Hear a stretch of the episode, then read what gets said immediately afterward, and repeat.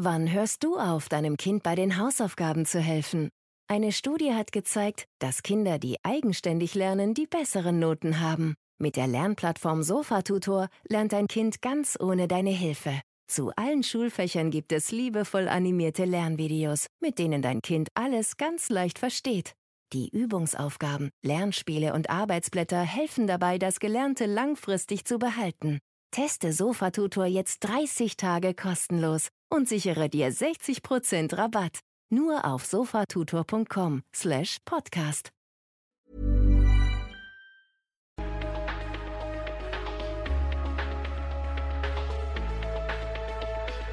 Då var det dags för ett nytt avsnitt av Risk och försäkring-podden här i novemberkylan och jag hälsar er hjärtligt välkomna. I denna månads podd ska vi bland annat prata om vad som är det viktigaste som ett skadeförsäkringsbolag kan göra för att minska klimatpåverkan i samhället och hur hållbarhetsarbetet ser ut nu och i framtiden. Och det kan inte jag veta helt på egen hand, så därför har jag tagit hit Filip Törn som är hållbarhetschef för If. Välkommen till Risk och försäkring-podden Filip. Stort tack. Hur står det till med dig? Bara bra tack. Hur är det själv? Jo, det funkar. Hållbarhetschef för If alltså. När blev du det? Januari 2018. Så det har suttit ett tag på posten här. Det börjar närma sig fyra år nu Ja. snart. Ja.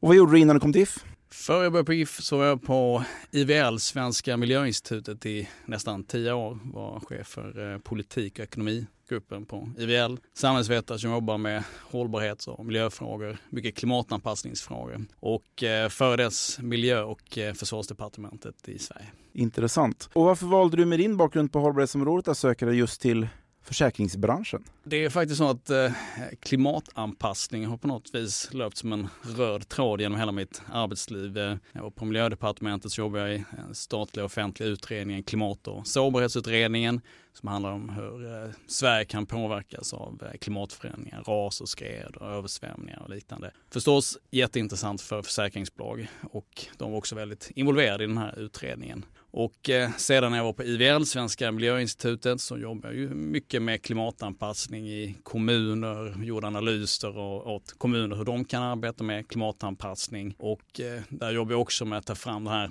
rankningen av kommunernas klimatanpassningsarbete som jag och mina kollegor eh, på IVL gjorde åt Svensk Försäkring. Det finns en väldigt tydlig koppling mellan skadeförebyggande, klimatanpassning och försäkring så att det känns faktiskt väldigt naturligt att till sist jobba på ett försäkringsbolag med med den här typen av frågor. Välkommen, höll på att säga, fyra år efteråt, men ändå. Jo, klimattoppmötet COP26 gick ju nyligen av stapeln i Glasgow. Eh, Som hållbarhetschef följde du säkert detta. Vad har du för synpunkter på vad man kom fram till? Man får väl eh, vara snäll och säga att det är ett steg i rätt riktning i alla fall. Sen hoppas ja, man hade förstås hoppats att de skulle kunna komma ännu längre.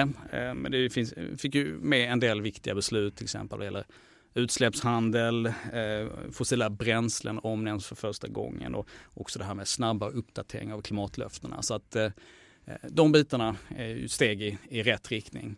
Ja, vi lämnar COP26 och går istället vidare med att prata om hur ni på If ser på hur ett stort nordiskt försäkringsbolag kan bidra till ett hållbart samhälle. Beskriv vad som var fokus i eh, Ifs hållbarhetsarbete när du började på bygget för snart fyra år sedan. Hur såg det ut då? Då var det mycket fokus på miljö. Eh, If har jobbat länge med miljöfrågor sedan 2008, eh, haft eh, klimatmål för egna verksamheten, eh, jobbat vid en del forskningsprojekt och liknande. Så jag kan säga att då var fokus mycket på miljö.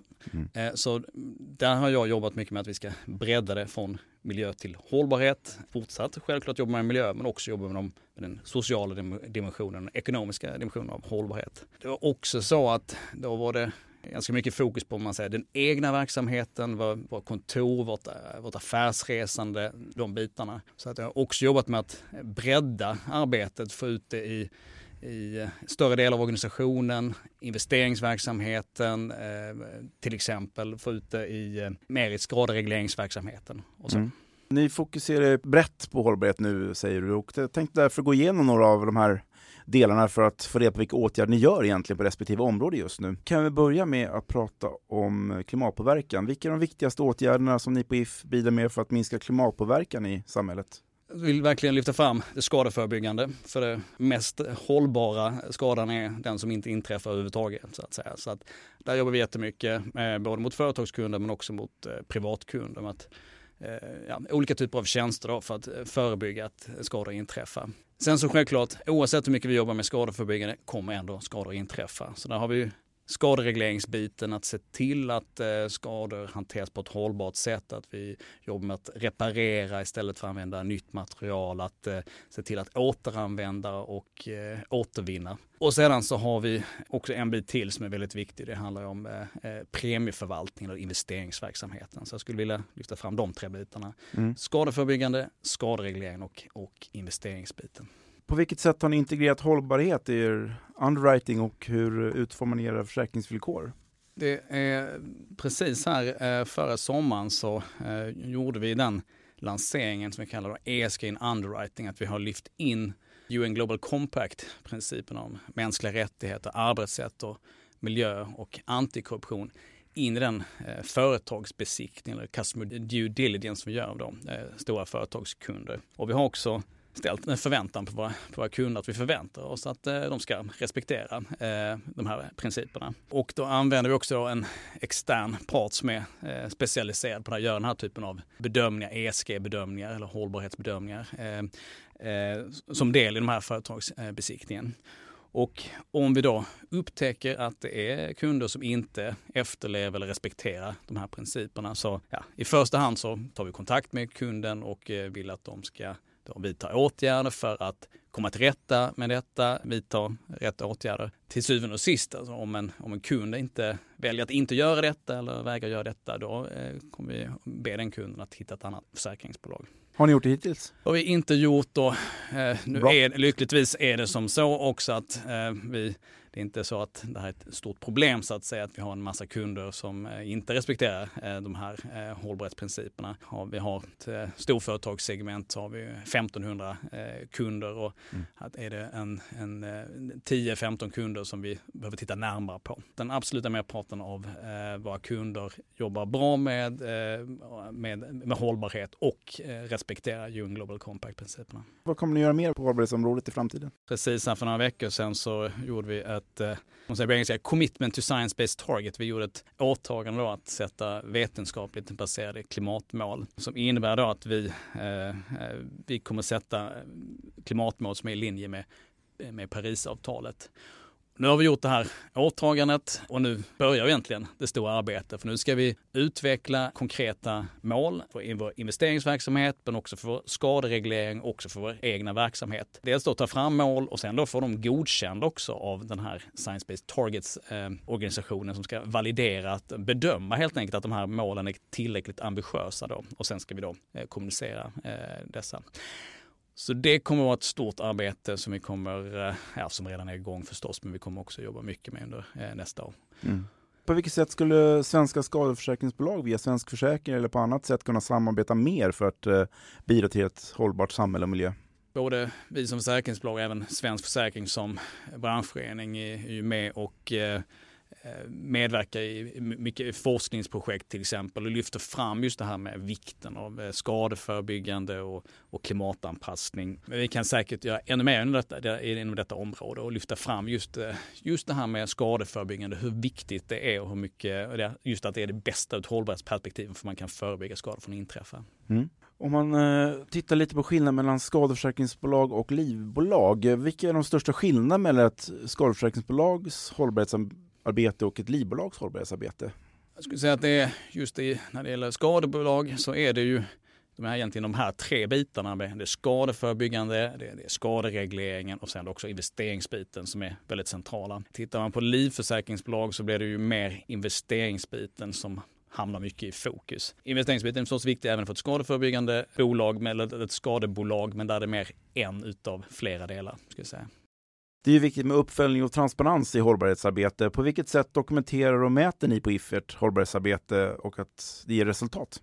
Precis väldigt viktigt att man, är, att man jobbar med detta på ett, på ett bra sätt. Och vi följer en eh, frivillig standard som heter eh, GRI, Global Reporting Initiative, som är en standard för hållbarhetsrapportering. Och den är väletablerad, används av många stora eh, företag som jobbar ambitiöst med hållbarhetsarbete och det har tydliga definitioner om hur man ska mäta, vad man ska rapportera och liknande. Så det är en jättebra standard som vi använder. Eh, ett framgångsrikt hållbarhetsarbete bör initieras från högsta ledningen och vara integrerat i verksamhetsmålen. Är det så inom If? Jag tycker absolut. Vi har en, eh, en hållbarhetskommitté med eh, flera representanter från högsta ledningen som sammanträder kvartalsvis. Och ordförande för den här kommittén är, det är Ifs CFO min chef. Mm. Och eh, den här kommittén är också då ett, eh, ett rådgivande organ till vd vad gäller hållbarhetsfrågor. Så jag tycker vi har en väldigt bra förankring där, den här högsta ledningen. Det låter bra. Hur viktigt för kunderna är det att If är ett hållbart skadeförsäkringsbolag? Det är viktigt och det blir allt viktigare. Sen är ju försäkring mer komplicerat, eh, till exempel en, en livsmedel där det är mer självklart kanske se kopplingen till hållbarhet. Är det, är det livsmedel? Vad, hur har den här var kommer de här livsmedlen ifrån? Hur har man odlats och djurskötsel och sådana saker. Det är mer komplicerat med eh, försäkring och där har vi en viktig uppgift för oss att vi är tydliga, visa på vad är de här stora bitarna när man jobbar med skadeförsäkring. Att det är skadeförebyggande, det är skadehantering, investeringsverksamheten och berätta och vara transparenta i hur vi jobbar med de här frågorna.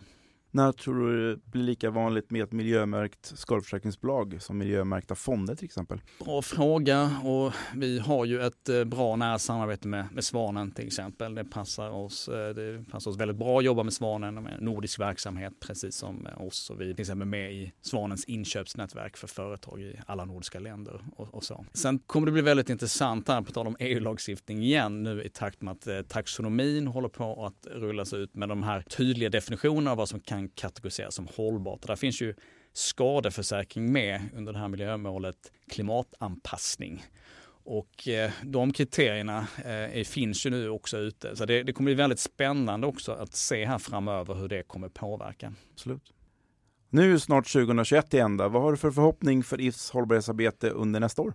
Ja, bra fråga. Det har varit ett väldigt spännande 2021 där vi har lanserat flera initiativ. ESG in underwriting, eh, commitment to science-based targets min, min förhoppning och förväntan på 2022 är att vi ska fortsätta med det här starka momentumet och kunna leverera lika spännande saker under 2022. Låter bra. Hur går det hemma hos dig då? Hur går det med ditt hållbarhetsarbete hemma? Ser du några förbättringspotential? Ja, det får eh, ta på mig att jag kan absolut bli bättre på att eh, laga mer eh, vegetariska rätter. Det är en tyvärr ganska, ganska begränsat antalet rätter jag eh, fortfarande vegetarisk. Så att, eh, det, har jag, det kommer jag sätta som eh, nyårslöfte här, att lära mig fler vegetariska recept. Och sopsorteringen går bra? Det funkar bra. Det låter bra det. Tack Filip Törn, hållbarhetschef för If, för att vara med i Risk och försäkringspodden.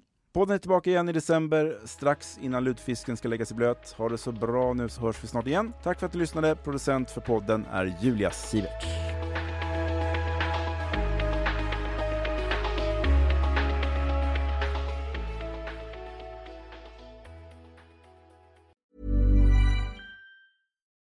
Wann hörst du auf, deinem Kind bei den Hausaufgaben zu helfen?